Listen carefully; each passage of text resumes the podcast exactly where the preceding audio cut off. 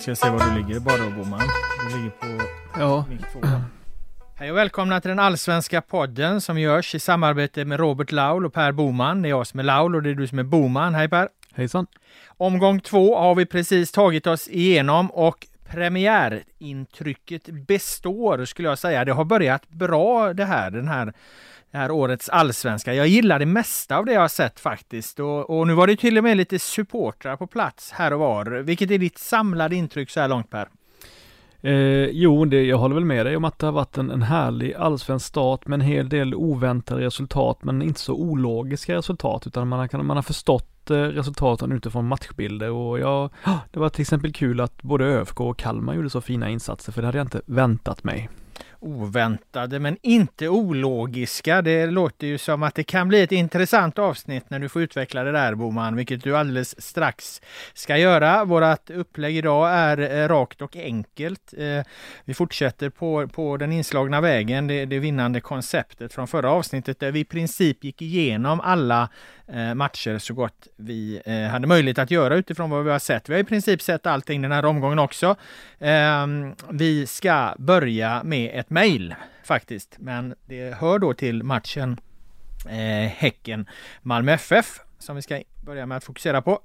Mötet på Bravida Arena i, i söndags. Eh, Malmö vann ju med 2-1 mot Häcken där.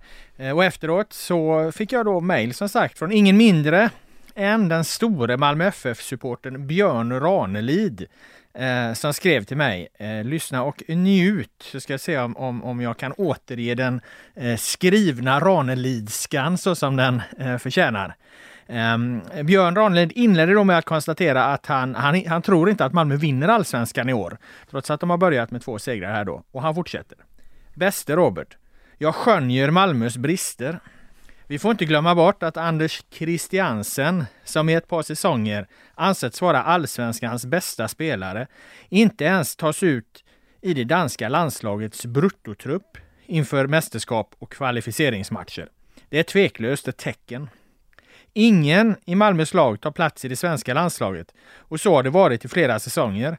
Låt vara att flera i truppen är av utländsk härkomst. Jag önskar en teknisk och snabb spelare på mittfältet i en offensiv roll. Amin Sarr tycks inte blomma och Jo Inge Berget har sina begränsningar. Likaså Sören Rex och Lasse Nilsen. Jag avvaktar med en djupare och vidare analys av Malmös kvaliteter och brister. Vänligen Björn. Sen avslutade han då med att ge mig tillstånd att, eh, att dela de här tankarna i, i det här forumet. Eh, för jag frågade om jag fick göra det då. Då svarade han, bäste Robert, det har du min fullmakt till, men mina reservationer bör beaktas med tanke på min kärlek till Malmö. Vänligen Björn.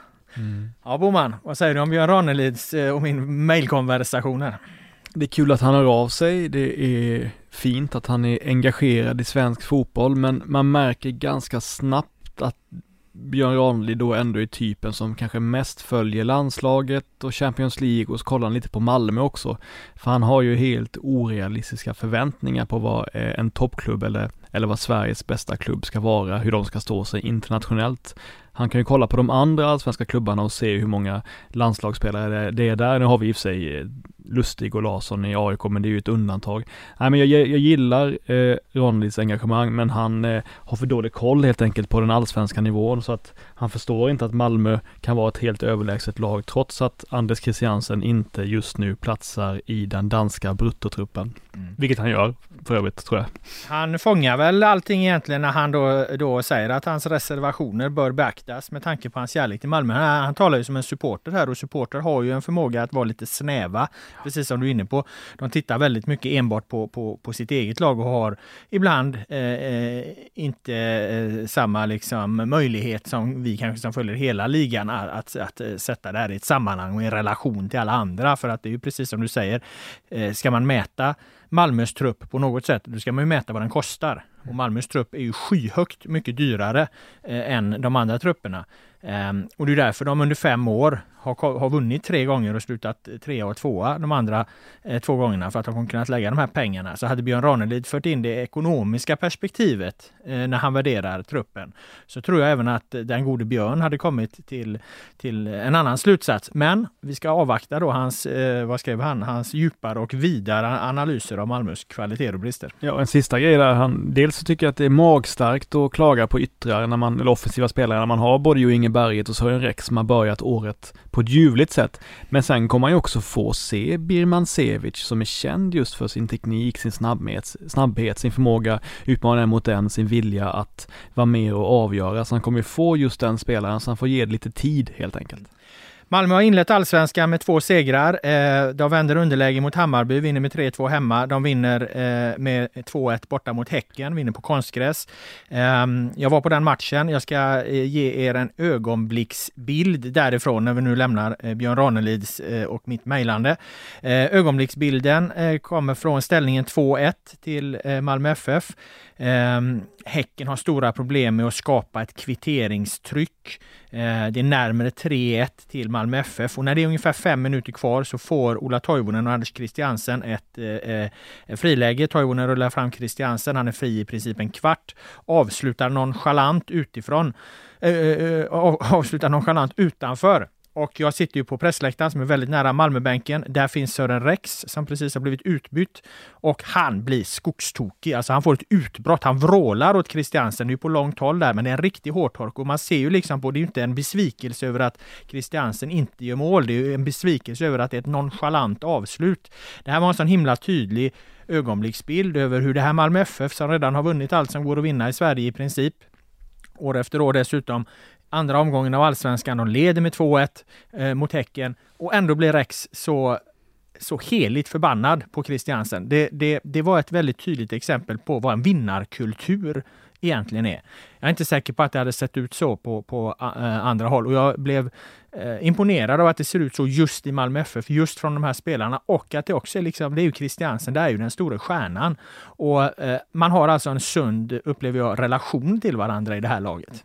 Ja, jag måste säga att jag är positivt överraskad. Visst, Sören Rex är landsman och han är tre år äldre än Christiansen. Det, säger, det kan ju betyda någonting, men ändå, alltså, jag trodde aldrig att han skulle, eh, att han skulle liksom, att de hade den relationen mellan varandra, att de kunde ge sig på varandra på det sättet. Det tyder på en mycket mer eh, demokratisk liksom lagkultur i, i Malmö än vad jag hade väntat mig. Jag trodde det var ganska mycket top dog och hierarki och sådär så att Eh, jag menar, det är inte de två raka vinsterna, är inte det, det är inte det som är det, det är inte det tydligaste beskedet som Malmö har gett i år, utan det är som du säger, det är ju den här utskällningen från Rex. Den tycker jag nästan säger ännu mer. Det var starkt. Man kan ju se det också som att tränare Jon Dahl Tomasson har skapat den här vinnarmiljön. Eh, att, eh, att, att han har lagt liksom en, en atmosfär där sånt här eh, förekommer, uppmuntras, eh, eh, kan ske. Eh, och uppenbarligen eh, kan ske på ett bra balanserat sätt. Eh, så att jag tror att man, man får, får ge lite cred till, till Jondal där också. Även om jag nu har stört mig ett tag på att han ser ut som han coachar i, i, i pyjamas, gör det inte det? Jag tror det här, att liksom det... kläderna han har på sig. Ja, han bär ju upp det som en kostym så att jag menar det, det är ju fint när han, när han gör det men, men, men det ser ut som en pyjamas, det måste vi vara ärliga och kunna säga. Ja men jag tror att det är en sån som kanske säljs i Malmös shop va? I mm. deras mm. supporter, jag tror att det är, någon, det är någon slags dress eller overall de har men den är inte så vacker, är den inte. Nej, det ser ut som en sån här, vad heter en sån där eh, helstrumpa, vad heter de, så här eh, helkroppsplagg nästan som, som hänger ihop från One Piece. One Piece ja. Mm, jag tror det, inte det, att det Nej det är ju inte det va, men det är fan inte långt borta. Eh, I övrigt då Eh, eh, Häcken-Malmö FF. Bra fotbollsmatch mm. måste jag säga att det var. Mm. Eh, häcken tyckte absolut inte, inte var dåliga. Jag tyckte att de stör Malmö FF med, med ett eh, bra djupledsspel eh, i början. Men Malmö är ju kusligt effektiva. Ehm, de, de jobbar fram ett långt inkast då från Jonas Knudsen som gör en ny monstermatch, kommer upp i 320 mm. på, på, på Instat. Christiansen har högst 340 i det här snittet då som vi, som vi gjorde en poäng av att, att Knudsen hade 400 förra gången. Nu kommer han upp i 320. Han kastar ju inkastet som leder till Malmös hörna som sen leder till Anel Ahmedhodzic nick i mål. Så jag menar det är ju metod. Mm. Eh, Knutsen slår inlägget till Rex, Malmös 2-0 mål. Eh, där Rex ju, när Knudsen flyttar upp på vänsterkanten så tar Rex snabbt en ny position, blir många spelare för Häcken att hålla reda på i, i, i straffområdet och, och retfullt löst nästan så styr han ju bollen eh, i mål där. Så att det, det, det är metod, effektivitet, logik bakom de här 2-0 målen, eller bakom de här två målen som ju kommer på 20 minuter och, och där är ju matchen nästan död. Ja, två reflektioner på det. Det första är ju det här citatet som du, vi alla minns som Poy Asperger sa för något år sedan, två år sedan, tre år sedan kanske. 500 miljoner på banken men de slår bara inlägg. Det har faktiskt blivit ett, eh, jag menar, eh, jag menar inlägg var ju nästan baktalat ett tag men i Malmös fall så är det ju en konstform med tanke på tajmingen de har i inläggsspelet och tajmingen på stort antal spelare som kommer in samtidigt som vi pratat mycket om förut.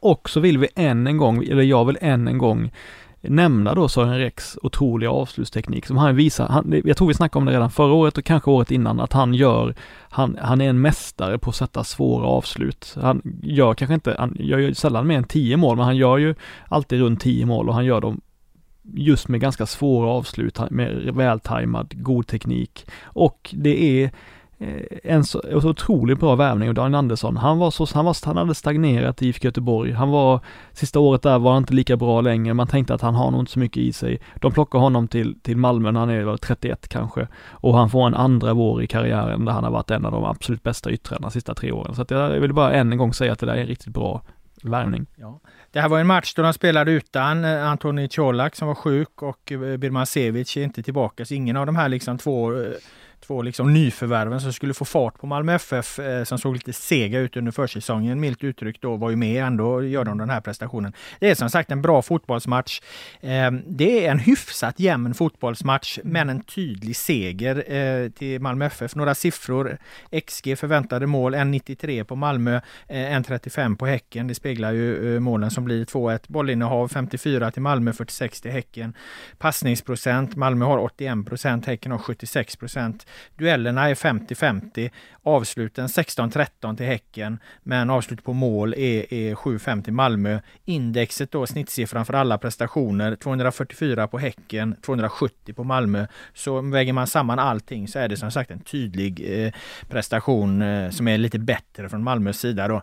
Bästa spelarna i Häcken har vi på, på Gustav Berggren, eh, lägst i Häcken eh, Tobias Heinz som ju fick spela på en, på en vänsterroll. Högst i Malmö FF Anders Christiansen som sagt 341, mycket bra siffra. Lägst i Malmö Jo Inge Berget som ju jag tyckte slet på bra med, men fick väl inte ut så mycket eh, av det då. Så att eh, det är ju en, en bra fotbollsmatch. Häcken gör ett fint mål, ett kombinationsspel från centralt mittfält. Eh, Gustav Berggren tar ut bollen, man får ut den på högerkanten. Din favorit Ekpolo eh, drar, upp, drar anfallet vidare och växelspelar ju med, med talangen då, Benny Traoré. Mm. Eh, boll tillbaka in i mitten igen, snabbt avslut i mål. Eh, det målet betydde inte så mycket för den matchen, men jag tror att det kommer bli ett större problem för Häckens kommande motståndare nu när man ser att Häcken eh, tydligt lyfte sin prestation jämfört med premiärmatchen mot Halmstad.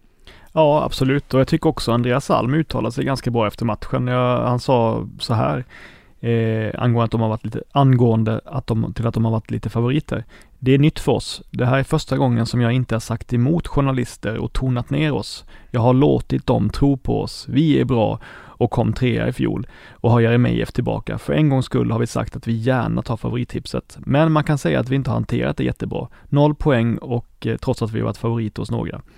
Eh, att vara ett av lagen som ska utmana och liksom kunna räknas med mot Malmö, där är vi inte i närheten. Men jag hoppas att vi har lärt oss någonting. Jag tyckte det var ett eh, ganska sunt uttalande. Ja, det var väl klockrent var, var de befinner sig och det, eh, det andas väl ändå en del självförtroende att det här mm. Häckenlaget kommer ta sina poäng eh, vad det lider. Men de måste ju göra det också. Närmast för, för Häcken eh, eh, väntar ju Sirius. Mm. Eh, vi använder inte ordet måste-match, men noll poäng på två matcher, då börjar det bli viktigt att vinna i den tredje omgången om, om man ska vara med där uppe.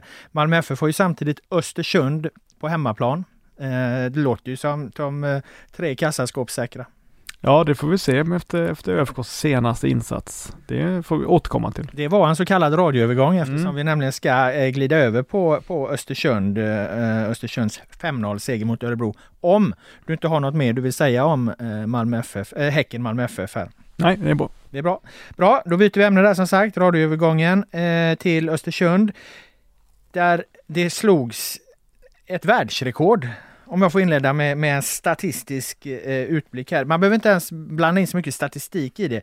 Eh, man kan nöja sig med att titta på att, att Östersund i den här fotbollsmatchen eh, som de kommer till från att ha spelat 0-0 eh, mot eh, eh, Kalmar.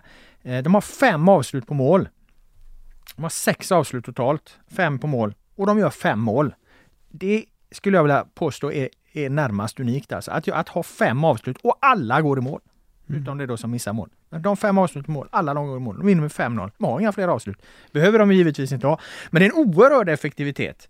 Eh, det här landar då på XG då, förväntade mål, landar ju på eh, 0,98. Alltså Örebro har 1.39 så att, trots att Örebro förlorar den här matchen med 5-0 så har de högre siffra på eh, förväntade målen. Och i övrigt är det en hyfsat jämn match. Alltså bollinnehavet 52% till Östersund, 48 till, till där. Passningsprocenten 85-85. Duellerna 50-50. Avsluten, som sagt då sex avslut för, för Örebro, Eh, för eh, Östersund, 12 avslut för, för eh, Örebro.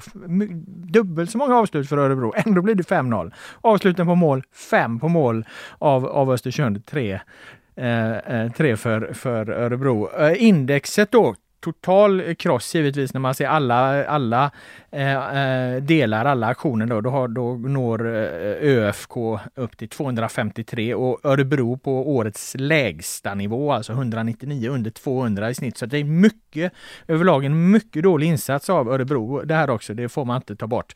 Det var den statistiska analysen. Per Boman, du har sett matchen. Skiljer det sig på någonting när, mot siffrorna som jag redovisar mot vad, vad du ser med blotta ögat? Ja, eh, men jag tänker så här att bilden som många av oss har haft av ÖFK, det är att de kommer alltid ha en förmåga att lig kunna ligga lågt och gå på kontring, eller hur? Försvara sig lågt och gå på kontring och utnyttja motståndarnas misstag. Det har ändå varit min bild att det kanske är deras största styrka, att de har haft ett lojalt försvarsspel, snabba, rappa, raka spelare som, som kan lösa det. Men det jag också tyckte var väldigt imponerande mot eh, ÖSK, det var ju det att de hade ett väldigt fint uppbyggnadsspel. ÖSK försökte faktiskt pressa tidigt högt eh, konstant då första 35-40 minuterna. Och tillsammans med Ali Keita och de lite underskattade mittbackarna Haugen, eh, Mukibi och Sonko Sundberg så rullade de ur pressen konstant hela tiden och kunde liksom trots att de hade eget bollinnehav från egen målvakt kontra mot ÖSK. Så jag menar, de spelade sig ur den tidiga pressen och fick kontra mot ÖSK, kanske med eh, ja, fyra mot fyra, eh, fyra mot tre ibland liksom. Och det hände flera gånger. Och det, det låter som att Örebro hade ett oerhört långt dåligt, lag i ja, så fall. Att då, de har väldigt stora ytor mellan sina lagdelar och det är ju det man liksom inte får ha om man ska pressa. Man måste ju sitta ihop. Precis så, de var, så här var det, jag tror att backlinjen var rädda för ÖSKs eh, Eh, Ö, förlåt, ÖFKs, nej, jo, mm, förlåt, ÖF, ÖSKs backlinje var rädda för ÖFKs speed längst fram, samtidigt som de mittfält och anfall helt misslyckades med sin press. Det var ganska drabbande att se hur, hur bra de löste det, eh, Östersund, för jag tycker att spelare som Frank Arin, Nebio Perry och sådana här, de kom ner jättebra i, långt ner plan och hjälpte mittfältet, hjälpte Savankambo, hjälpte Bellman och sådär och fick ett bra eget passningsspel och sen är ju han en riktig Championship-anfallare, Turgott, som löper på allting, lojal, snabb, eh, eh, försöker inte vara fåfäng med avsluten utan liksom gå på kraft så att säga. Och eh, jag, var, jag var mycket imponerad av, eh, av, eh, av att ÖFK har fler delar av sitt spel. De har inte bara det låga försvaret och gå på kontring, de kan också rulla sig ur press. De har varit lite mer flexibla, lite mer eleganta än vad jag, än vad jag trodde. Jag avvaktar men var imponerad av, av Östersunds FK. Eh, jag har bilden mot Kalmar för färsk på näthinnan för att kunna vara, eh, vara det. Eh, däremot vill jag nämna någonting om den här effektiviteten då mm. som du också är inne på. De här avsluten då från, från Blair Turgott. Det här, den här XG-siffran som jag refererar till, den det förväntade siffran över de förväntade målen. Den, det är ju en statistisk beräkning utifrån var i eller utanför straffområdet avsluten tas. En straffspark har till exempel 0,7 Eh, eh, Eh, eh, i, i, i XG och det bygger då på att 70% 75% är lite olika hur de här olika matchanalysverktygen räknar. 70-75% av alla straffsparkar går i mål så ett, så ett avslut från den punkten, den, den beräknas då eh, att 70% går i mål. Därför blir det en, en förväntad målsiffra på 0,7 mm. eh, eh, då. Och att den blir så låg här i som 0,98 totalt trots att den gör fem, fem mål. Det är att alla de här avsluten som leder till mål, de tas alltså från vinklar där det normalt inte blir så, så mycket mål. Och jag kollade igenom de här målen som de gör och det är ju, det, det, det, det, liksom, det är ju inte rakt framifrån utan bollen hinner ju liksom dra iväg lite åt kanten och ändå så trycker han in den som du säger på kraft där. Så att Så att det som för mig sticker ut väldigt mycket här och innan jag säger att jag är jätteimponerad av Östersunds FK så säger jag att jag är väldigt, väldigt imponerad av Blair Turgots avslutskvalitet. Fortsätter han så här så är jag inte det minsta förvånad att AIK mm. bland annat jagade honom. Och, och, och, det är fler klubbar som kommer jaga honom för att, för att eh, eh var det här liksom inte en engångsföreteelse utan smäller han dit avsluten från de här vinklarna eh, fortsättningsvis så, så är det större klubbar än Gnaget som kommer vara intresserade av Blair Turgott. Ja, men han visade ju delar av det redan, redan faktiskt förra året. Ja, ja nej, det är ju ingen så. överraskning så sett. Men, eller ja, det, är ju, det, det, det, han gör här är en överraskning. Men, men att han är en vass anfallare, det, det, visste vi. Men så här vass, nej. Man hade varit imponerad om någon klubb hade tagit honom nu i vinter då. Ja istället ja. för att vänta in ytterligare ett, eh, eller någon slags succévår. Men, ja, men det är också bara sista jag vill säga om det, det jag tycker att eh, man kan tro då på grund av statistiken att de hade så, inte så många avslut och att de var så effektiva att det var liksom lite slump att de vann så stort, att det var liksom en galen match. Men jag tycker faktiskt att, att Östersund var bättre på allt än, än Örebro. Örebro eh, ja, det har du stöd för i siffrorna. Ja. Men, men då, det man kanske ser de siffrorna är väl snarare att Östersunds siffra, den, är inte jätte, den sticker inte ut jättehögt. Den är på 253. Det är en bra allsvensk prestation. 199 på Örebro. Det är en riktigt dålig allsvensk prestation. Vet. Kommer de inte komma upp i mer än 199 i ett indexsnitt Örebro framöver, kommer de rasa ur den här allsvenskan. Axel Kjell använde, ett, eh, använde Henrik Rydströms favoritord eh, efter matchen. Vet du vad det är för ord? Vi hade behövt lite bättre balans och lite mer kontringsskydd i de avgörande lägena. Det var det som eh, Rydström, Rydström etablerade förra året. Ja, det var det kanske. Jag bland, blandade ihop det med om det var Jimmy Tillin som brukar använda det. Ja, det kanske var båda två. Eh, en konstig sak då, eh, som blir mitt sista inspel och min övergång i detta, det är ju att eh, eh Örebro spelar ju 0-0 mot IFK Göteborg i sin första match. Mm. Eh, och sen förlorar Örebro med 5-0 mot Östersund. Förväntat eh, bottenlag då. Det kan man ju tycka ska säga någonting om IFK Göteborg då. Att de bara får 0-0 mot detta Örebro som Östersund sen besegrar med 5-0. Men IFK Göteborg besegrade AIK med 2-0. Och där kom våran övergång till nästa match. Eh, och den kan man väl egentligen sammanfatta så här att lika självklart som det då, mot den bakgrunden som jag precis redogjorde för, att AIK skulle vinna på förhand. Lika självklart kändes det efteråt att Blåvitt faktiskt vann med 2-0. Eh, det kändes ju lite där ett tag i andra halvlek som att de hade kunnat lira ett par timmar till på, på Ullevi utan att Gnaget hade gjort mål. Mm, exakt, eh, det jag reagerade på det var ju att ja, men mot Degerfors så fick ju AIK jättestor utdelning för sitt tidigare pressspel. De var aggressiva, de var på direkt och ö, Degerfors bjöd ju in till det för de har ju sitt eh, sitt avancerade igångpassningsspel och de försöker vara, de försöker trä igång, trä in passningar som är lite riskabla och svåra och de, de spelar på ett sätt som bjuder in till att man kan pressa sönder dem om, man, om inte Degerfors är tillräckligt bra på att hantera sitt eget spel. Det var de inte. Så det fanns, det var, de, eh, när AIK vann boll fick de hela tiden möta ett oorganiserat lag. Jag tycker de var ganska bra i pressspelet första kvarten även mot Blåvitt. Men att Blåvitt inte tog några risker ändå. Visst, de tappade boll ibland, men då hade de ändå fem, fem man i, i bra defensiva positioner som de kunde hantera de bolltappen och kunde hantera det pressspelet som ändå var ganska bra från AIK. Så att det var som att, eh, visst, eh, ni kan vinna lite boll i, i, på vår planhalva, men vi kommer ändå vara så pass låga och så pass trygga att det spelar inte så stor roll. Så kände jag i alla fall. Ja, jag upplevde lite eh, samma sak och jag vill, eh, jag vill liksom knyta det här eh, faktiskt till Roland Nilsson. Jag tycker att mm. han, det är på plats med att faktiskt hylla den här matchplanen då som Eh, väl kanske inte unik för, för just eh, AIK-mötet, men den passade väldigt bra på den här gräsmattan och det passade väldigt bra mot, mot AIK för att det blev som att, som du är inne på, de här bolltappen och AIKs alla andra anfall egentligen, förutom eh, möjligen några då inledningsvis, så får AIK aldrig någon fart i det. Eh, det är som att Blåvitt i alla liksom eh, eh avgörande punkter där det är viktigt för AIK att, att, att eh, komma loss, komma med fart, eh, Eh, komma på fria ytor, där, där står IFK Göteborg jävligt rätt. Mm. Det blir liksom inget speciellt tryck på högerkanten eh, där vi vet att AIK är väldigt bra med Lustig. Även om de har mycket boll där och så, så, så, så blir det aldrig liksom de rena situationerna. De kommer egentligen aldrig förbi bakom. De kommer aldrig, egentligen aldrig någon numerära överlägen utan det fanns, liksom, det fanns ett skydd hela tiden. Eh, och den här vänsterkanten den har fungerat katastrofalt uselt tidigare. Mm. Jag menar det gick ju att befara att det skulle bli en fullständig slakt där från, från, från AIKs sida mot, mot Jallow Lindelöf som ju spelar på fel kant egentligen mm. mot, eh, mot Sebastian Eriksson som har sett otroligt stabbig ut. Men blev precis tvärtom. Mm. Det var, ju, det var ju stängt där på samma sätt som det var, var, var stängt på andra kanten och där fick ju inte där fick ju inte eh, Jesper Tollinsson då samma hjälp av Hossam Aiesh, för han är ju mer offensiv spelare. Men Tollinsson löste ju det där mm. väldigt, väldigt bra ändå eh, genom, genom egen kvalitet.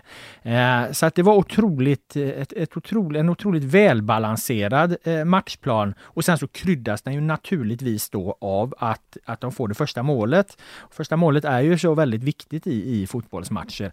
Eh, men det får de ju också på, på dels på kvalitet, för att de här spelarna som ligger bakom det, Hossam Majesh, Kolberg Sigthorsson, de har haft brokiga eh, karriärer i närtid, särskilt Kolberg då. Men det finns ju en oerhörd eh, kvalitet, en oerhörd potential.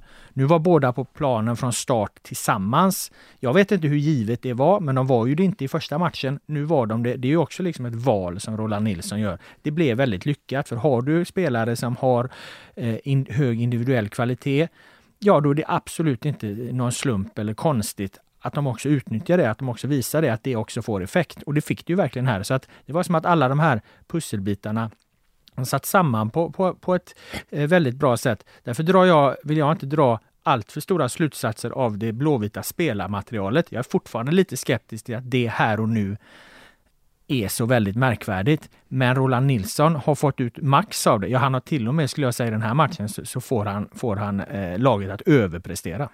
Jag också, eftersom jag tror inte någon annan kommer säga det, så vill jag ändå säga det att du får ju ge dig rätt då för att du är en av eh, ytterst få i svensk fotboll som ändå gav Kolbeinn Sigthorsson ytterligare en chans och trodde att han skulle ha med i sig. Du tyckte han var pigg i inhoppet mot ÖSK. Du, ja, det var han. Ja, jag vet. Du sa att du tyckte han hade fina löpningar, bra, eh, bra smarta aktioner som kanske inte märktes så mycket för att han inte alltid fick bollen, men han tog rätt beslut. Och eh, ja, det syntes ju när han såg klinisk ut då mot AIK. Uh, ja, nej men absolut. Jag tyckte han var som sagt bra i det här inhoppet redan mot, mot Örebro. Det, syns, det syns ju att det finns någonting där. Och jag tror fortfarande bara han, han ju någonstans egentligen bara joggar ju han bara runt på 70-80 procent. Det finns ju ännu mer att ta av där såklart. Alltså nu var han klinisk i straffområdet. När AIK då delvis också eh, har ju ett dåligt försvarsspel, det ska man säga om AIK där. Det är ju mm. Bilal Hussein som upphäver offside i första målet och, och, och, och, andra målet är det väl liksom... Det är Stillastående ja, bolltittande. Ja, det är ju inte en gubbe som står rätt där, eller gör rätt liksom, agerar. Eh, han tar ju han, han tar emot och slår till då snabbt visserligen, men, men ändå, så det är klart att det, det, det vi har ju hyllat AIKs backlinje. Mm. De lovorden förtjänar de ju inte i, i, mot IFK Göteborg.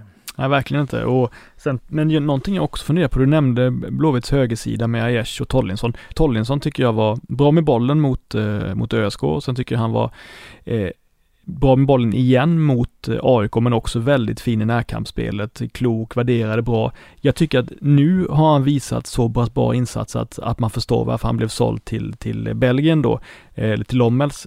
Det var som att eh, de handlade honom på, på spekulation givetvis, på, på potential och förmodligen för att de har sett honom bra i U21-matcher och i, i andra sammanhang, sådär i landslagssammanhang och så, ungdomslagssammanhang, alla de grejerna. Men jag, nu tycker jag han visade på riktigt att han, att han är bra nog för att, för att räknas till en riktigt stor talang. Man får ju säga att de gjorde en, en eh, bra scouting av honom då. De såg det innan det sen syntes i, i allsvenskan. De såg det innan, innan eh, det skrevs om det i tidningen så att säga. Men jag funderade varför inte, jag var besviken på 81 och Nabil Bahoui som inte kunde utnyttja Hossam Aiesh liksom, alltså han gör ett jättefin insats offensivt och han kämpar hårt defensivt, det ska man ge honom, han kämpar bra, men jag tycker inte att han är, är liksom jättebra i positionsspelet defensivt och en sån som Nabil Bahoui får verkligen se ett själv i spegeln att han inte kan utnyttja det mer. Men jag upplever att det också handlade om matchplanen, för jag upplevde att Blåvitt faktiskt, eh, eh, vilket förvånade mig, styrde AIK mot, eh, bort därifrån. Mm. De, det kändes som att de, de hade, laget var liksom balanserat, vridet, så att Aiesh gick lite högre. Mm. Vilket gjorde att, att det skulle bli mer öppnare på, på IFKs högersida då. Mm. Men så pressade de hela tiden så att de kom mot, mot höger och det tror jag är de, det gillar ju egentligen AIK att göra, för Lustig ville ju ta fram bollen där, men då var det också väldigt förväntat, för då, då låg Blåvitt redan rätt i sina positioner där. Så om det där bara inte var tillfälligheter som, som hände utan det fanns liksom en plan att okej, okay, vi låter Aiesh kliva lite högt, men vi försöker styra dem över åt andra kanten så att vi, vi liksom inte blir sårade i den tomma ytan som uppstår när Aiesh ligger högt. I så fall så så, så, så rimmar det ännu bättre med, med, med den här fina matchplanen som jag tycker mig se då från Roland Nilsson. Och förra veckan så sa jag ju det att om det är så att de här breddspelarna i AIK är bättre än vad man tror, vilket var mot Degerfors, Ylletopa, Hussein, Nabil Bahoui, eh, Radulovic, säkert någon mer. Om, jag tänkte om de, om de nu är bättre än vad man tror, har man underskattat dem, har man, har man trott för lite om dem, så, så får man ju höja AIK lite. Nu slog de ju för all, allihopa för en ganska svag insats igen så att man, eh, Degerfors kanske inte var det testet som man trodde. Det är, uppenbarligen så får vi se fortfarande ifall, ifall AIKs offensiv och yttre och, och så vidare är, är tillräckligt vassa för att eh, AIK ska kunna hota högt upp i tabellen. Jag tror det ligger väldigt mycket i det du säger där, att vi får se lite. Jag, jag, jag känner fortfarande att det finns en, en, en, eh, en viss osäkerhet kring vad de här resultaten egentligen betyder. Som sagt, IFK Göteborg åker till Örebro, får bara 0-0 mot ÖSK. Eh, gör ju då vad man upplever en riktigt dålig insats. Sen åker Örebro och får stryk med 5-0 mot ÖFK. Samtidigt så, så vinner IFK Göteborg mot, mm. mot AIK med 2-0. Alltså de här resultaten, någonstans, någonstans är det ju någonting som inte går ihop. Mm. Och, och eh, rimligen så är ju det som inte går ihop att det är tidigt på säsongen. Och vi vet inte, det kanske inte går att, att dra några slutsatser alls långsiktigt av det, det, här som händer. Men vi måste ju förhålla oss till det som, som, som händer här och nu och, och, där är det ju precis som du säger att Östersunds FK ser väldigt bra ut mot Örebro och IFK Göteborg ser väldigt bra ut mot AIK. De kan ta med sig det. Nu har vi pratat länge om den här fotbollsmatchen. Vi har mm. inte ens nämnt det som liksom halva försäsongen egentligen handlar om. Det var, det var ju att, att, att det här blev ju Marek Hamsiks debut också. Han eh, hoppade in där eh, med, med en kvart kvar och såg väl direkt eh, ringrostig ut eh, i början skulle jag säga. Plus att första tiderna var på plan så flög ju bollen bara över honom. Jag tänkte på det, han stod där, han måste undra var fan han hamnade. Liksom. Måste ha fått nackspärr efter ett tag. Han tittade fram och tillbaka, bollen åkte kors och tvärs då. Men sen ramlade han ju ner på marken och då tyckte jag väl ändå att han visade att han mm visade han sina fina fötter. Han löste ett par, par situationer på små ytor och, och, och, släppte enkelt och snabbt vidare den utan att han på något som helst sätt satte några avtryck på den här fotbollsmatchen på något annat sätt än genom sin frisyr. Nej, men det är också liksom ett ödmjukt inhopp. Ingen spelare som sagt liksom visar, han är ju såklart klok nog att förstå att han ska in och lugna ner spelet när det behövs. Eh, försökte ha lite samspel med Wernbloom då och lugna ner gemensamt och han tog ju inga risker och sådär men gjorde några tjusiga grejer så det var ju ett moget inhopp på det viset att det här är, en, det här är ingen person som behöver eh, få eh, stå, stående ovationer direkt liksom. Jag tror inte han kände sig så stressad när han kom här. Däremot så tror jag han är lite rädd om fötterna. Han såg där när ja, Sebastian Larsson mm. small till, då hoppade han liksom, tog han ett par balettsteg undan där och tog sig för tån så att eh, han vill nog inte dra på sig några skador inför EM här. Eh, det blir spännande fortsättning för båda de här lagen nu, det är det för alla, men, men, eh, men här också då såklart. Jag menar AIK har helt plötsligt nu hamnat inför ett derby som blir extremt viktigt för dem. Och eh, IFK Göteborg då, men kanske med Hamsik från start mot, mot eh, Degerfors, eh, där den här då positiva trenden mycket väl kan rulla på. Mm. Eh, vill du säga något mer om eh, den här matchen eller ska vi lämna den för att gå vidare till nästa ämne?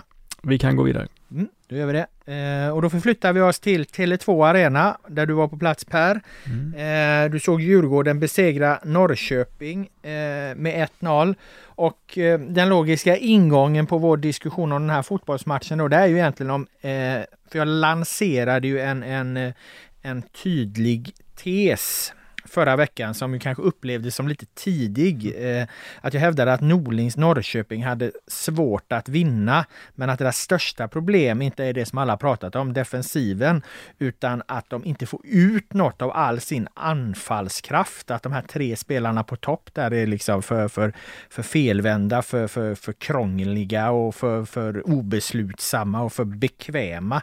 Eh, och det här byggde jag ju på att det hade sett likadant ut i de två kuppmatcherna mot Göteborg och mot Häcken och även då mot Sirius. Och då undrar jag, såg du samma mönster som jag har sett i de tre tidigare matcherna när det gäller IFK Norrköping? Ja, det gjorde jag. Eh, jag har det var, var jättelänge sedan jag såg IFK Norrköping ha ett så uselt uppbyggnadsspel som de hade hemma mot Djurgården. Det handlar dels om att Djurgården är väldigt bra på att pressa bolltrygga lag. De var jättebra på att pressa till exempel Sirius förra året på hemmaplan på ett liknande sätt, så att de ja, mobbade sönder dem då. Eh, men det, det, det, som förvånar mig med, med Norrköping är att Norrköping har man ändå har krav på att de åtminstone varannan gång ska lyckas spela sig ur en sån press och på, på det viset eh, lyckas anfalla mot ett oorganiserat lag. Men jag tror inte de lyckades göra det en enda gång egentligen i första halvleken. Det, så, det var en slakt skulle jag säga. Eh, och det var ett oerhört obalanserat IFK Norrköping. Vi har Abdulrazak till höger som inte ska få någon skit liksom. Han är ju en ung kille som är offensiv mittfältare i grunden, kanske ytter då. Han fick vara wingback och ställas mot en formtoppad Niklas Bärkroth eh, ofta och hade svårt med det givetvis. Eh, vi har ny skola som till vänster som hade en riktigt dålig match måste man säga. Han kom inte alls in i det. Vi har ett innermittfält som är, som är eh, Isak Bram Johannesson och Alexander Fransson och där har man ju från början varit lite orolig. Kommer de två killarna Eh, klara sig mot till exempel ett tremannamittfält? Är det för offensivt balanserat? Och i den här matchen så blev de verkligen överkörda av Findell, Mange Eriksson och den kejserlige Rasmus Schüller. Det var, det var ingen match och de fick ingen hjälp. Ibland sökte skola som kom in lite centralt och erbjuda passningalternativ. Men jag skulle säga att de tappade bara boll på boll på boll på boll och längst fram fanns då de tre musketörerna Adegbenro, Levi, Haksabanovic, som överhuvudtaget inte är med i matchen. De är inte med i matchen, de, de tappar bollen när de erbjuder ett alternativ eh, längre ner i banan, eh, spelar för svårt, för omständigt, för många touch på bollen. De tar ju lite halvhjärtade djupledslöpningar ibland för att erbjuda ett annat alternativ, men man känner direkt att det inte är på riktigt liksom. Det här är inte någon som försöker jaga ihjäl sig på en, på en djupledsboll, utan det är, det är liksom någonting man mest gör. Eh, så att det var ett eh, så här, ska man ha så många lirare i ett lag, ska man ha ett lag som är så pass offensivt balanserat, där det är så många som vill ha bollen med fötterna, då måste man dominera matchen. Dominerar man inte matchen då, dominerar man inte spel, matchbilden, ja då är man ju förlorad. Mm. Ja, men jag tror att de är eh, felbalanserade helt enkelt. Eh, och det här var väl då den första matchen där det i så fall avslöjades. För, för att riktigt så här dåligt som du beskriver det, det har det inte varit tidigare. Eh, tidigare har de ju tagit sig med sitt passningsspel fram till mm. eh, eh, motståndarnas backlinje och det är där det har blivit problem. Det är där de här har då varit för still, stillastående. Och eh, som du beskriver i första halvlek nu så klarar de inte ens att ta sig Verkligen dit, inte, verkligen inte. Men då undrar jag ju, ändra, eh, eh, korrigeras det här? Blir det bättre i andra halvlek? För att när jag tittar på den statistiken så rimmar den inte riktigt så att det är så jävla illa. Så det känns som att någonting hände i andra halvlek. Schüller går ju ut i paus till exempel, så jag tycker mm. inte att Djurgården får riktigt samma, Djurgården har väl kanske inte kraften heller och de får inte riktigt samma tryck Nej. i det första delen av andra halvlek.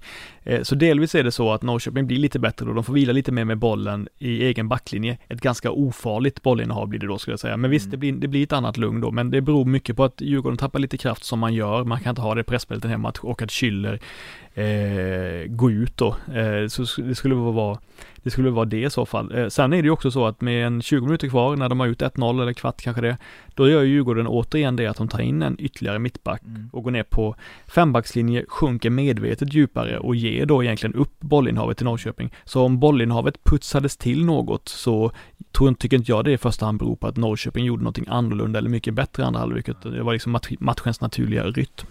Jag tänker bara på att, att eh, eh, det du beskriver, eftersom det, det, det, det mönstret inte har synts i andra matcher, att det är så mm. dåligt första halvlek, att det mer, kan mer härledas till att de möter faktiskt ett, ett bra motstånd. Absolut, absolut. Att, eh, men, men och, och, det problemet kommer kanske inte vara lika stort i kommande matcher för Norrköping, för att få, de, möter de andra eh, lag Eh, förutom de kanske allra bästa då, då, då, kommer de ändå kunna hantera sitt passningsspel på ett annat sätt. Men de kommer fortfarande vara kvar i ett läge att de här tre spelarna längst fram, eh, de är för lika. De kommer inte, de, de, de, de, jag menar de besegrar ju inte ens Sirius. Så att jag menar, det här kanske inte är, är, det här är ingen trend du har sett. Du har sett en, det är en ögonblicksbild från en halvlek och den kommer för att motståndarna gör något väldigt bra. bra. Eh, det kanske inte är samma problem för dem i nästa match. Då kommer de spela sig framåt, mm. men de kommer fortfarande ha sitt anfallsproblem. Tittar man på det, det jag menar, de förlorar med 1-0. De släpper in ett mål. Det är ingen katastrof att släppa in ett mål i en fotbollsmatch, särskilt inte borta mot Djurgården. Det, det, det är väl helt normalt egentligen.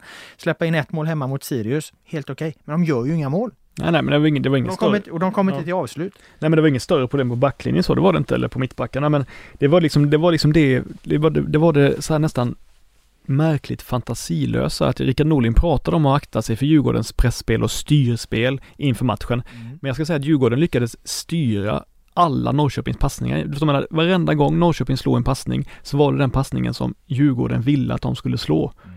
Och det var jag helt imponerad av Djurgården, givetvis. Men det var också, det, det, jag menar, då tycker jag, då behöver man några spelare som kan göra det extra, som i oväntade perioder kan ta en frispark mm. högre upp i plan och låta laget komma upp. Det gjorde inte Haksabanovic, det gjorde inte Levi, det gjorde inte Adegbenro. Eller vila med bollen, lyckas finta någon spelare, rulla tillbaka och få ett större lugn. Men de lyckas inte ens med det. De lyckas inte göra, de tre offensiva spetsarna lyckas inte skapa så mycket på egen hand. Och de lyckas heller inte ge laget hjälp genom, på andra sätt genom att ha en frispark eller genom att äga bollinnehav.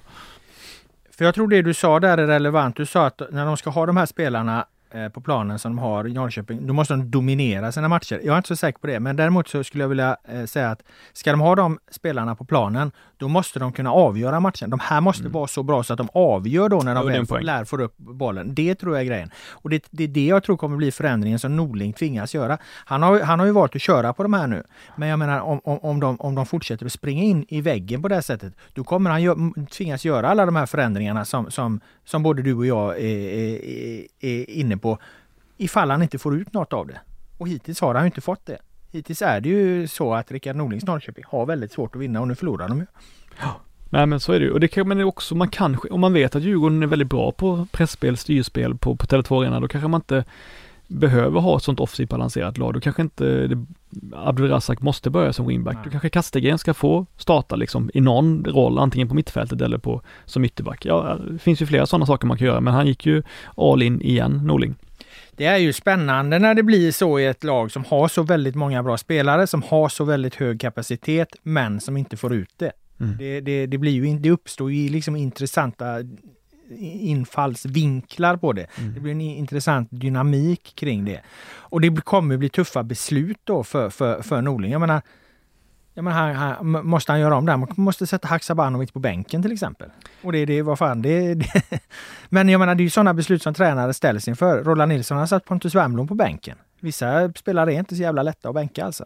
Nej men Jesse Gustafsson gjorde ju det ibland med. Haksabanovic hans första år. Sen kunde, kunde man inte göra det för att han har så höga höjder i sig och jag tycker mm. inte man ska man måste kunna få det att funka. Men man kanske inte kan spela de tre samtidigt. Så Nej, Nej men så det, det, det, det, det tror jag är vad han är tvungen att landa i Norling där till slut. Vill du säga något mer om, du som var på matchen, något mer om, om eh, Djurgården? Jag konstaterar utifrån eh, eh statistiken att Magnus Eriksson hade högst siffror. Mm. 311, högt och bra. Hjalmar Ekdal hade lägst. Eh, XG, förväntade mål på Djurgården, 3. Det är mm. högt. Eh, borde gjort ännu fler mål egentligen än, än det de gör. Eh, det var väl Chilufya som inte hade siktet eh, inställt riktigt. Kom till mycket lägen men mm. träffade inte mål. I övrigt var det som du säger, det var ett bollinnehav som jämnade ut sig. Det var någorlunda en passningsprocent. Återigen förlorar Djurgården mycket dueller noterar jag. 50, vi konstaterade det från förra matchen där att, mm. att duellspelet mot Elfsborg var bedrövligt från Djurgårdens sida.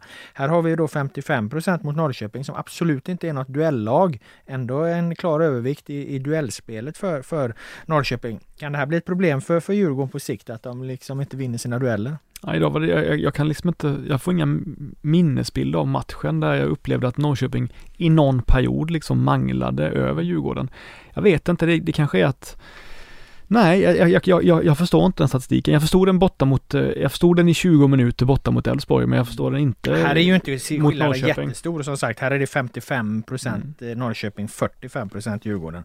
Men vad jag menar var att det var sån kraftig Eh, de hade så väldigt mycket lägre siffror mot Elfsborg och Djurgården och nu kommer ytterligare en match där de återigen mm. har, har, har, har eh, eh lägre siffror. Ja, men, det är ju inga, men jag menar, det är ju inga duellspelare de har på mitten kan man väl inte säga. Alltså vilka hade de? Skyller, Eriksson och Findell. Findell. Alltså det är ju liksom inga det är ju inga Viera-typer liksom. Det är, det, är ju, det är ju lirare mer. Ja, de pressar ju till sig bollen i hög utsträckning. Ja, de kanske inte behöver gå in i duellen. Nej, det är ännu bättre. Ja, ja, det är klart att det är det. Så att jag menar, det behöver inte vara så negativt, men det, jag menar bara att det, att det är noterbart så att säga. Mm. Inget mer om Djurgården? Eller Nej, mer, mer, mer att eh, Djurgården, eh, måste jag säga, liksom är väldigt, väldigt bra i spelet. Mm. Väldigt, väldigt bra i spelet. Har eh, ha en bra taktik för bortamatcher, en bra taktik för hemmamatcher. Eh, saknar lite effektivitet givetvis, men det är ju ingenting man ska gråta blod över. Chilufya bör göra minst ett mål och, ska, och kommer ju till rätt lägen så att eh, eh Bärkrot behöver fortsatt få ut mer av sitt övertag på kanterna, men det kan ju också bero på att Kalle Holmberg och offensiva mittfältet fortfarande kanske inte erbjuder så många alternativ som man borde göra. Då, eh, Djurgården bör göra mer mål sett till dominansen, men det är trots allt ett, eh, lite av ett lyxproblem. Ja, det är det väl när man, eh, Djurgården då är det lag tillsammans med eh, Malmö FF som har inlett den här säsongen med mm. två raka segrar. Om jag inte har glömt något nu. Nej, så är det. Så är det. Eh, då lämnar vi den matchen, eh, men vi stannar kvar på eh, samma arena, eh, Tele2 Arena. För där var du återigen då i lördags och du såg eh, det nya krigande Bayern mm. eh, eller det som jag under försäsongen döpte till Billborns balanserade Bayern Vad passar bäst efter eh, 2-0 eh, mot Mjällby var det va? Det var inte 2-1 utan 2-0. Eh, vad passar bäst efter 2-0 mot Mjällby? Eh, för det var ju lite som en fotbollsmatch, jag såg den på, på tvn, eh, som kändes som att i fjol hade den slutat 4-2 åt något av hållen istället. Ja, det jag skulle säga var väl att Hammarby var helt okej. Okay. Och ett Hammarby som var helt okej okay, hade inte vunnit den här hemmamatchen förra året som vi säger. De hade ju ett dåligt facit mot många lag på hemmaplan men framförallt också så kallat mindre lag eller mittenlag som kom på besök där Hammarby inte tog de här givna tre poängen som man kanske hade väntat sig. Eh, nu var det bra mot just Mjällby hemma förra året, men nej men eh, Hammarby var eh, inte jättebra i den första halvleken. Jag tycker att eh, Darijan Bojanic, en spelare som jag högaktar och som jag haft skadeproblem, han startade och var ingen vidare. Eh, eh, tog inte tag i spelet, jag upplevde inte att han spelade med den här risken, man kan vänja sig. Jag tycker inte, alltså, men han, det man gillar med Darijan Bojanic är att han kan se det det svåra ser ju enkelt ut med honom liksom. Han, är, han löser många svåra situationer på ett elegant sätt, men när han inte gör det så, ja då är det inte så mycket kvar. Sen gör han en riktig kvalitetsaktion i första halvleken, det är när han sätter bollen på fel sida av Johan Nilsson och det tycker jag är, är intressant. Eh, det tyckte jag till exempel att Blåvitt kunde utnyttja mer mot, mot eh, eller AIK kunde utnyttja mer mot Blåvitt när Hossam Aiesh är wingback. Men med Joel Nilsson då, som ju alla gillar jättemycket, jag gillar också honom, jättebra offensivt. Men det är trots allt så, för när, när man började, började använda wingbacks i Allsvenskan för några år sedan, då var det ofta en offensiv ytterback som fick den rollen. Nu blir det allt oftare en, en ytter som också kan försvara helt okej. Okay.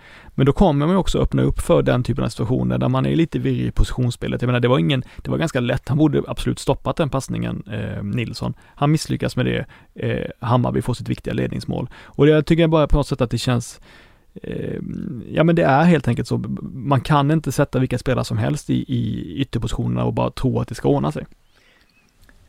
Ja, jag tänker lite så här när man har laget balanserat som eh, Mjällby har. Eh, tre mittbackar, mm. två ganska lågt sittande mittfältare. Ska du även liksom knö in två defensiva yttrar då eh, på det? Alltså då har du så otroligt många eh, defensiva spelare. Jag tänker att alltså, har du liksom det, det här eh, försvarsblocket där, tre, tre, tre mittbackar, det är ju många mittbackar, det är ju fler än två i vilket fall. Och sen har du liksom två ganska defensiva innermittfältare eh, med Ado och, och Blomqvist var det väl de Ja, Blomqvist var väl lite, han låg, han låg, lite över Ado ändå. Men Ado mm. låg väldigt lågt. Och liksom. Gustafsson. Ja, Um, och så ska du även då, då tycker du att då ska man också spela med nej, två ytterbackar? Nej, nej. Jag sa inte att man måste göra det. Jag säger bara att det, det är inte ologiskt att man åker på eh, nej, nej, sådana här grejer liksom. Alltså det är ju en jag, jag, kalkylerad risk helt enkelt. Så är det ju. Men som jag upplevde den situationen när han sätter den där, jag tycker snarare att Eh, Mittbacken ska ut? Ja, jag, tycker, jag, jag tyckte att jag, jag eh, upp, upp, undrade varför kommer inte de ut liksom? De mm. vet att de har en, en yttermittfältare, de vet att det här är en kille som, som, som kommer behöva lite mer hjälp i, i,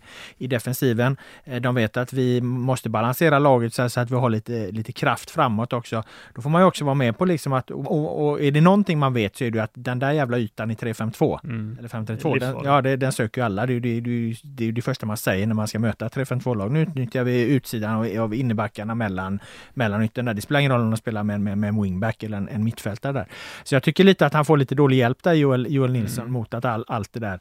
Samtidigt, som sagt, det är situationer som uppstår. Det går väldigt fort. Bojanic och, och uh, ytterbacken i, i Jazz. Jazz är det väl. De ser det väldigt fort. Det går jävligt snabbt. Man kanske också kan säga att det där är en bra prestation. Mm. Och det är inte så konstigt att de har en, en högerytter där. Så att det kan ju också vara lite att man, man, man letar verkligen efter, efter saker att slå ner på som, som någonstans någonstans ändå, ja, ibland får man köpa saker och ting. Ja, nej, men jag kan acceptera den eh, invändningen, men i övrigt så försvarade sig Mjällby väldigt bra. Mm. Eh, de hade sagt att de inte skulle ge någonting, för förra året släppte de väl in tre mål på tio minuter eller någonting. Eh, borta mot Hammarby, det gjorde de verkligen inte i år. De stängde igen ganska bra. Jag tyckte inte att Hammarby skapade chanser tack vare något fint kombinationsspel den första halvleken, utan snarare mer mellan liksom lite ja, chansbollar ibland som, som gick igenom bakom eh, deras mittbackar då. Så att, eh, och sen var eh, Bergström på topp som kombinerade helt okej okay med Löken. De hade väl någon, en eller två okej okay chanser liksom. Så att eh, Hammarby var det bättre laget, men Mjällby försvarade sig väl. Så att eh, det, det hade mycket väl kunnat vara 0-0 i paus där. Ja, de kom ju till väldigt få eh, avslut på mål särskilt i den här matchen. Hammarby de har ju alltså bara två, två mm. eh, avslut på mål alltså, så att de, de sitter ju båda två då. Sen har de totalt eh, nio avslut, det är inte heller så jättemycket hemma. Så det är ju helt klart ett annorlunda Hammarby och för liksom för tredje matchen i rad egentligen så, så faller de under en längre period nu ner i någonting som vi ändå får beteckna som ett ganska lågt försvarsspel. Även till och med mot Mjällby hemma så är de ju här under en period mm. ganska tillbakatryckta. Och då skapar ju faktiskt Mjällby en hel del och då gör, gör ju David Ostedt en jättebra insats i målet där. Mm. Eh, han var ju olycklig mot, eh, mot eh, Malmö i första matchen där han, där han först gör en kanonräddning, en jätteviktig räddning. Mm. Ja, och sen så river han, eller liksom petade han omkull eh, Toivonen då. Jätteklumpigt. Han ger domaren chansen att blåsa straff där när han sätter en, en handske i ryggen på, på Toivonen. Det var jätteklumpigt och det kom precis efter den här fina räddningen.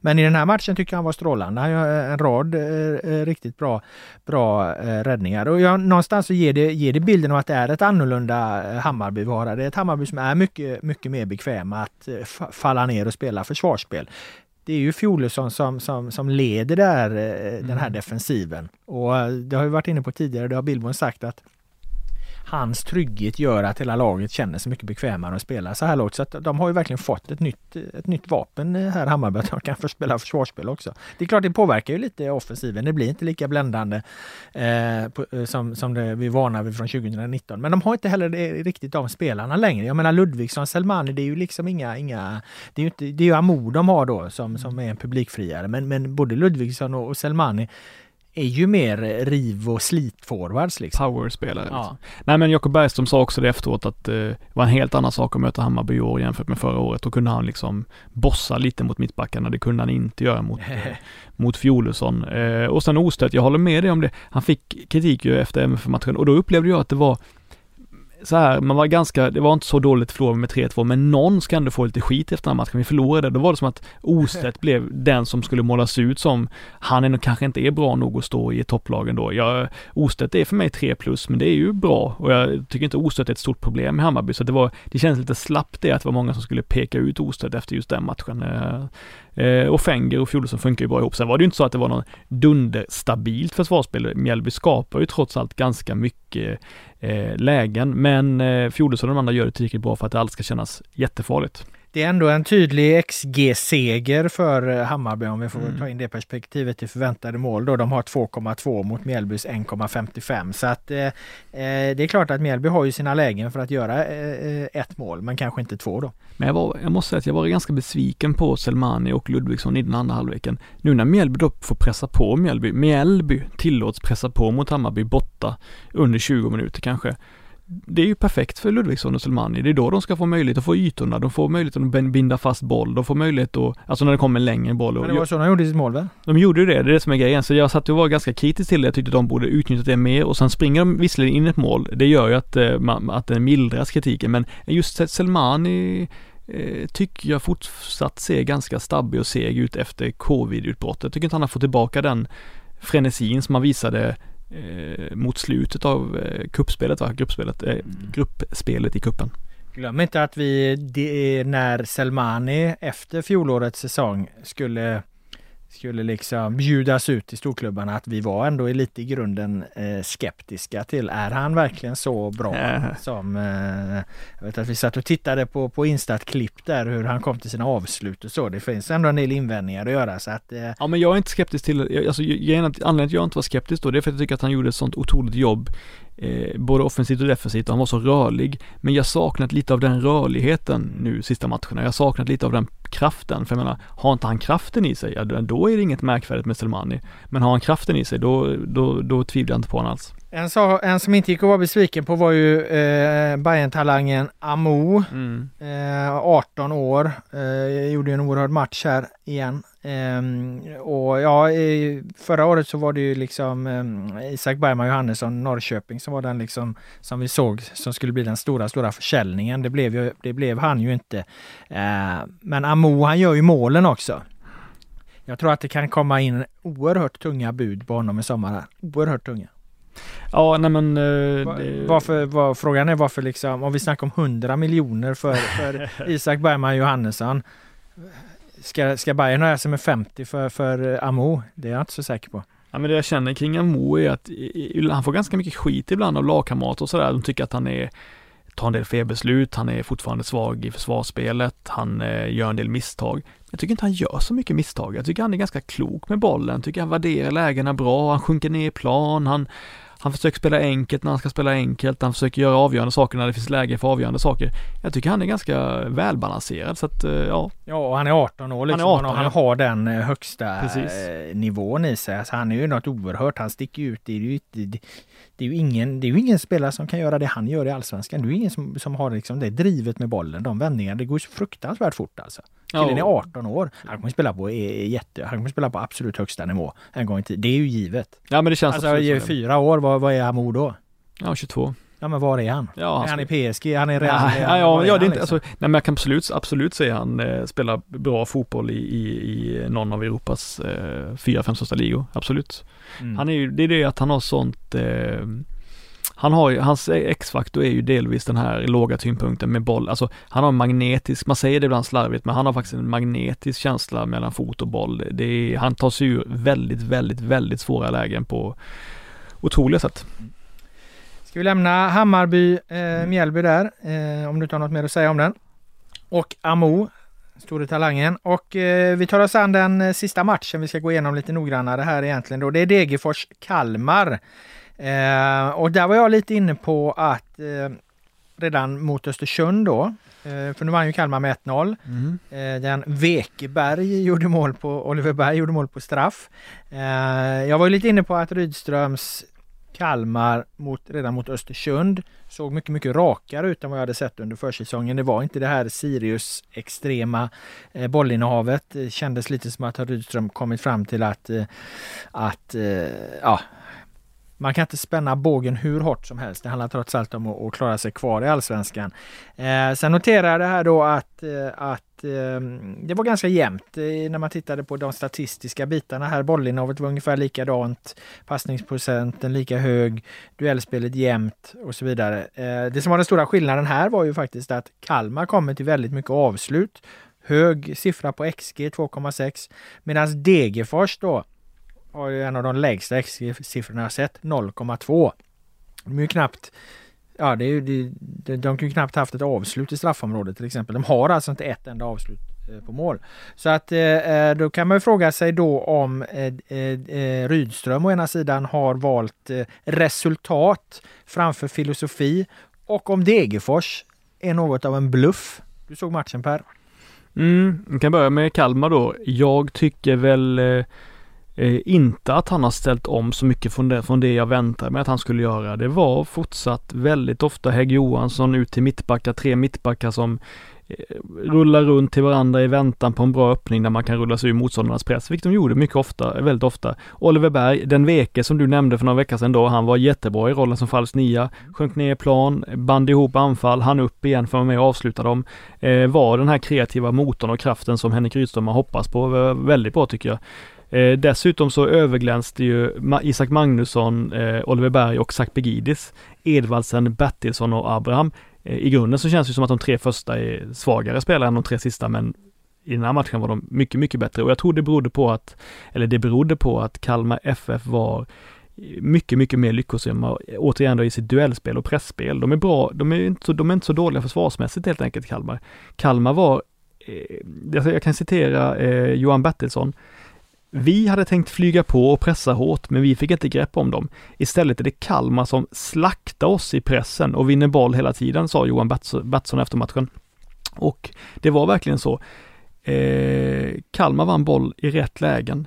Högt, högt upp, upp på Degerfors planhalva i rätt lägen. När Degerfors återigen för andra matchen, matchen i rad inte lyckas eh, hantera sitt eget riskfyllda spel. De är inte bra nog helt enkelt på att- spela den fotbollen som de som var framgångsrik i Superettan. De har inte varit bra nog för att göra det mot allsvenskt motstånd än så länge, varken mot AIK eller mot Kalmar. Jag säger inte att det är fel att göra det. Det är rimligt att få köra vidare på sin idé, idé ett tag till och se hur den, hur den, hur den går och hur, ifall man klarar det. Men än så länge så har motståndarna lekande lätt pressat sönder Degerfors, snott åt sig bollen hela tiden i väldigt farliga lägen och det var också därför Magnusson, Berg och Sakpegidis så mycket, mycket farligare ut för att de fick bättre lägen att komma till avslut och komma till kombinationer. Är de en bluff? Degerfors? Eh, nej, alltså jag tycker inte de är, nej, de, de, de, är inte en bluff för de har inte, liksom inte, de har sagt att de ska försöka göra någonting. Vi tror att vi är bra på det här, vi hoppas på det. Eh, men de har väl aldrig sagt att de kommer, kommer ta över världen med det liksom. Det är mer att många andra vi har tänkt att det kan vara intressant att följa och se ifall de sömlöst kan göra samma sak i Superettan som de gjorde eh, nästan sömlöst kan göra samma sak i Allsvenskan som, som de gjorde i Superettan. Men än så länge så har det inte gått så smärtfritt, tvärtom, de har blivit avslöjade. Mm. Jag tänker mer på att det är klart att, att ingen förväntar sig att Degerfors skulle eh, ta över världen. Det är väl mer att, att man förväntar sig att Degerfors kanske eh, ja, men, eh, klarar sig kvar med ett par placeringar. Men jag menar det de har levererat hittills, nu har det gått två omgångar, vi ska inte dra för stora slutsatser av det. Men det de lever, levererat hittills tyder ju mer på att de åker rakt ur allsvenskan som sista lag. Och det är ja. det jag menar med ja, ja, ja, jag förstår att. Mm. Att, man kan se dem som en liten bluff då. Men jag förstår, nej men det, och sen angående Kalmar som vi ändå nämnde då, det är ju, jag tycker att eh, de har inte, de är, de är pragmatiska, det är inget dogmatiskt lag så att de ska rulla boll, rulla boll, rulla boll, rulla boll, men det är fortsatt så att de mycket metodiskt försöker spela sig igenom lagdelarna för att ta sig till, till lägen. Sen, och de skapar lägen delvis så, och de skapar lägen delvis genom en tidig bra press, precis som Sirius också gjorde förra året. Mm. Kalle Gustafsson väldigt bra på mittfält också. Mm. Men då ska, då ska jag säga så här då, eh, fotboll avgörs ju inte mellan straffområdena. Och eh, Kalmar kommer från 0-0 hemma mot Östersund. Mm. Nu vinner de 1-0 eh, eh, borta då mot ett, får vi ju säga hittills, väldigt svagt mm. Degerfors. De gör det efter ett straffmål. Mm. Eh, vad talar då för att Kalmar egentligen ska göra så göra egentligen mål när de ställs mot lite bättre motstånd? Ja, det, det, det, är ju det som är deras, ser jag fortfarande som deras eh, stora problem. Ja, men liksom. det är, jo, men de, har inte, de har liksom inte de, de spelarna. De, de kan springa där och pressa och göra väldigt många bra grejer mellan straffområdena. Håller också med om att de har en bra backlinje. Kommer inte vara enkla poäng. Men de kommer, precis som de har haft de senaste säsongerna, ha förtvivlat svårt eh, framåt. Det ändrades inte utifrån Nej. den här insatsen. Nej, men eftersom de inte har den anfallaren som kan garantera 10 mål, Nej. då känns det rimligt att göra det på ett annat sätt. Eller de har ju heller inte försökt skaffa den anfallaren som kan göra 10 mål. Det har ju också varit ett delvis medvetet val, kanske delvis för att det är svårt att få tag på sådana anfallare. Mm. Då kanske man måste göra på ett annat sätt. Men absolut, det är givetvis så att Kalmar kommer få svårt att göra mål mot många lag. Men jag tycker inte att det här var ett brott mot det jag trodde Kalmar skulle göra med Rydström. Jag tycker, jag tycker det låg i linje med det man, det han ändå har liksom aviserat. Eh, då lämnar vi den matchen där, om du inte har något mer att säga om den. Eh, det har ju spelats ett par matcher till, de har vi inte sett så himla noga. Eh, vi kan ju konstatera att eh, Elfsborg besegrade Varberg med 3-1. Eh, det efterspelet handlade om ett eh, Även för att vara Joakim Persson ovanligt korkat och eh, osmakligt uttalande. Eh, dock har ju Persson nu eh, gått och, ut och eh, bett om ursäkt för det och eh, eh, ja, ångrar sig helt enkelt och erkänt att han har gjort fel och jag menar det kan ju vi alla göra så att jag vet inte om det finns så mycket mer att säga om det. Nej, det var jättebra att han eh, snabbt sa att, det var, att han ångrade det och att det var dumt. Man ska ju inte jämföra så allvarliga saker som våldtäkt med att man inte, att man inte får straff till exempel. Nej. Det är ju dumt. Men eh, det stående intrycket är ju att Jocke Persson kanske imponerar mer som eh, fotbollstränare eh, eh, än liksom i, sina så här verbala konster. Ja absolut, men det sa vi redan förra veckan så det tycker jag vi fick rätt på det det var två veckor sedan. Eh, 3-1 annars till Elfsborg eh, som sagt eh, var väl då, det var väldigt viktigt för, för, för Elfsborg att få vinna när man förlorade mm. premiären på hemmaplan. Det, det kunde bli lite rusarmatch det där men det, det, jag, jag blev imponerad. Jag såg den inte eftersom jag kollade på annat.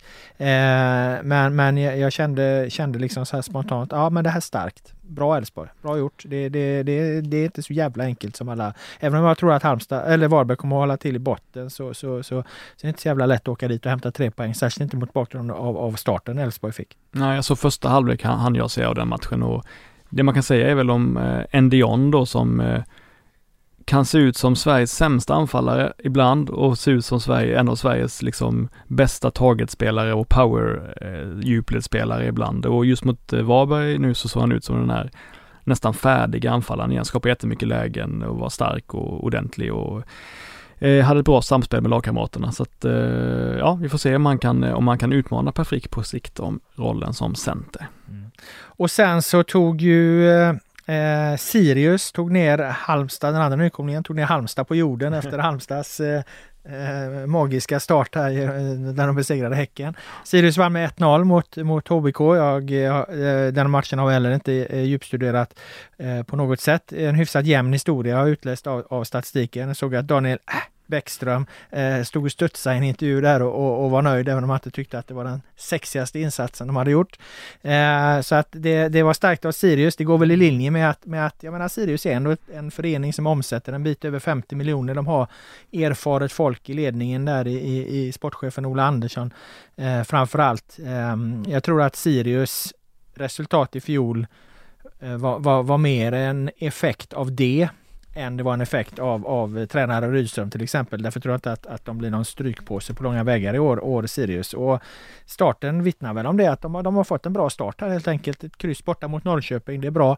En seger eh, hemma mot Halmstad är också bra ja, bara erkänna att kanske fel, jag kanske varit fel ute med Sirius igen. Jag tippar, jag tippar alltid dem väldigt långt, långt ner i tabellen och av något skäl så tror jag sällan på Sirius. Jag vet inte. Det är... Du måste kolla på deras ekonomi. De har ju fan ja, mycket pengar. Alltså har ja. man så mycket pengar, har man sån omsättning som de har så, så då, då, då, då, kan du bygga ganska bra trupp liksom. Ja, men jag, jag vet också att tycker också Sirius, men jag kommer ju fan från, vad fan är Uppsala? Det är ju Sveriges fjärde största stad liksom. Det är klart som fan att det finns eh, sponsorer där.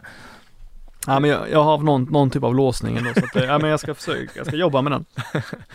eh, vad säger du mer då eh, om eh, den andra omgången? Nej men det som började med många kanske oväntade resultat som ändå kändes logiska när man väl såg matcherna. Ja och nu har vi försökt att, att reda ut dem så gott vi har kunnat.